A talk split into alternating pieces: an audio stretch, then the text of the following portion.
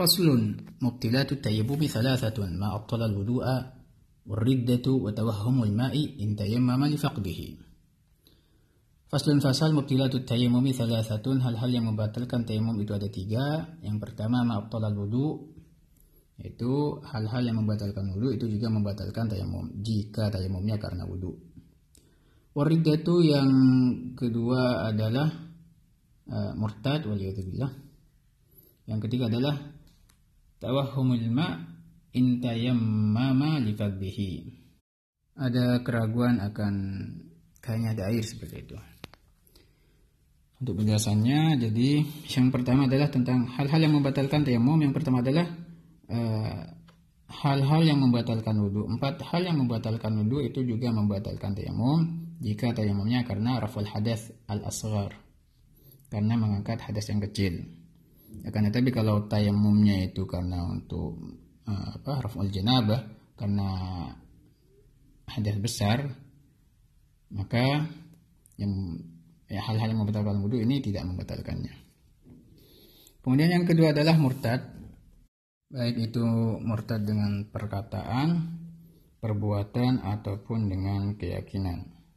Baik hal tersebut dari anak kecil. Jadi kalau ada anak kecil tayamum, lantas dia itu mengucapkan hal-hal yang menyebabkan dirinya keluar dari Islam, maka dalam hal ini eh, tayamumnya menjadi batal.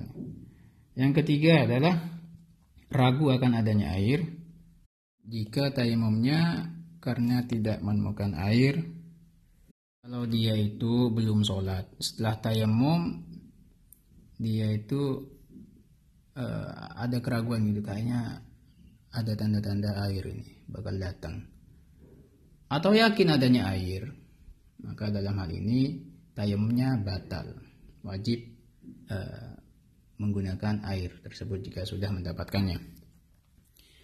Akan tetapi kalau dia itu, ini kalau belum sholat ya. Terus kalau di dalam sholat bagaimana? Kalau dia itu hanya sekedar ragu, uh, tidak yakin uh, adanya air, maka di sini sholatnya dilanjutkan.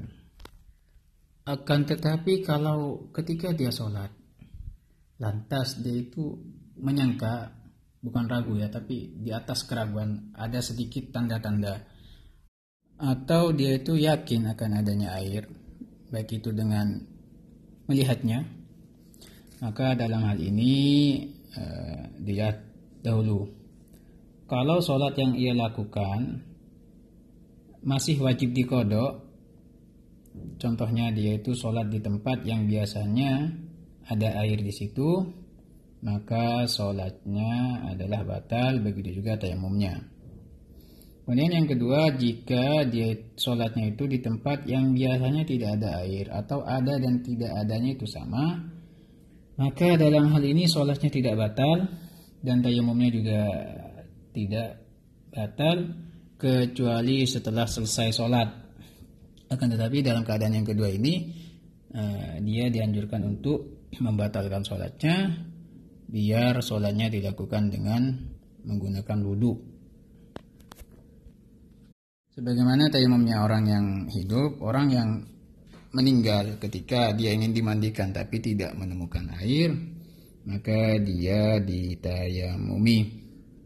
Nah, setelah ditayamumi dan dikafani, maka setelah itu dia disolati. Lantas bagaimana kalau belum disolati?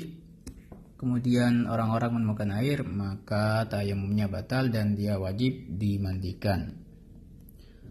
Kalau menemukan airnya setelah sholat atau ketika sholat, maka di sini sama dengan penjelasan sebelumnya. Kalau kalau berada di tempat yang biasanya ada air, maka dia wajib dimandikan dan disolati ulang meskipun sudah dikafani dan selama belum dikuburkan. Kalau sudah dikuburkan ya sudah. Jadi seperti itu ya. Allah alam bisawab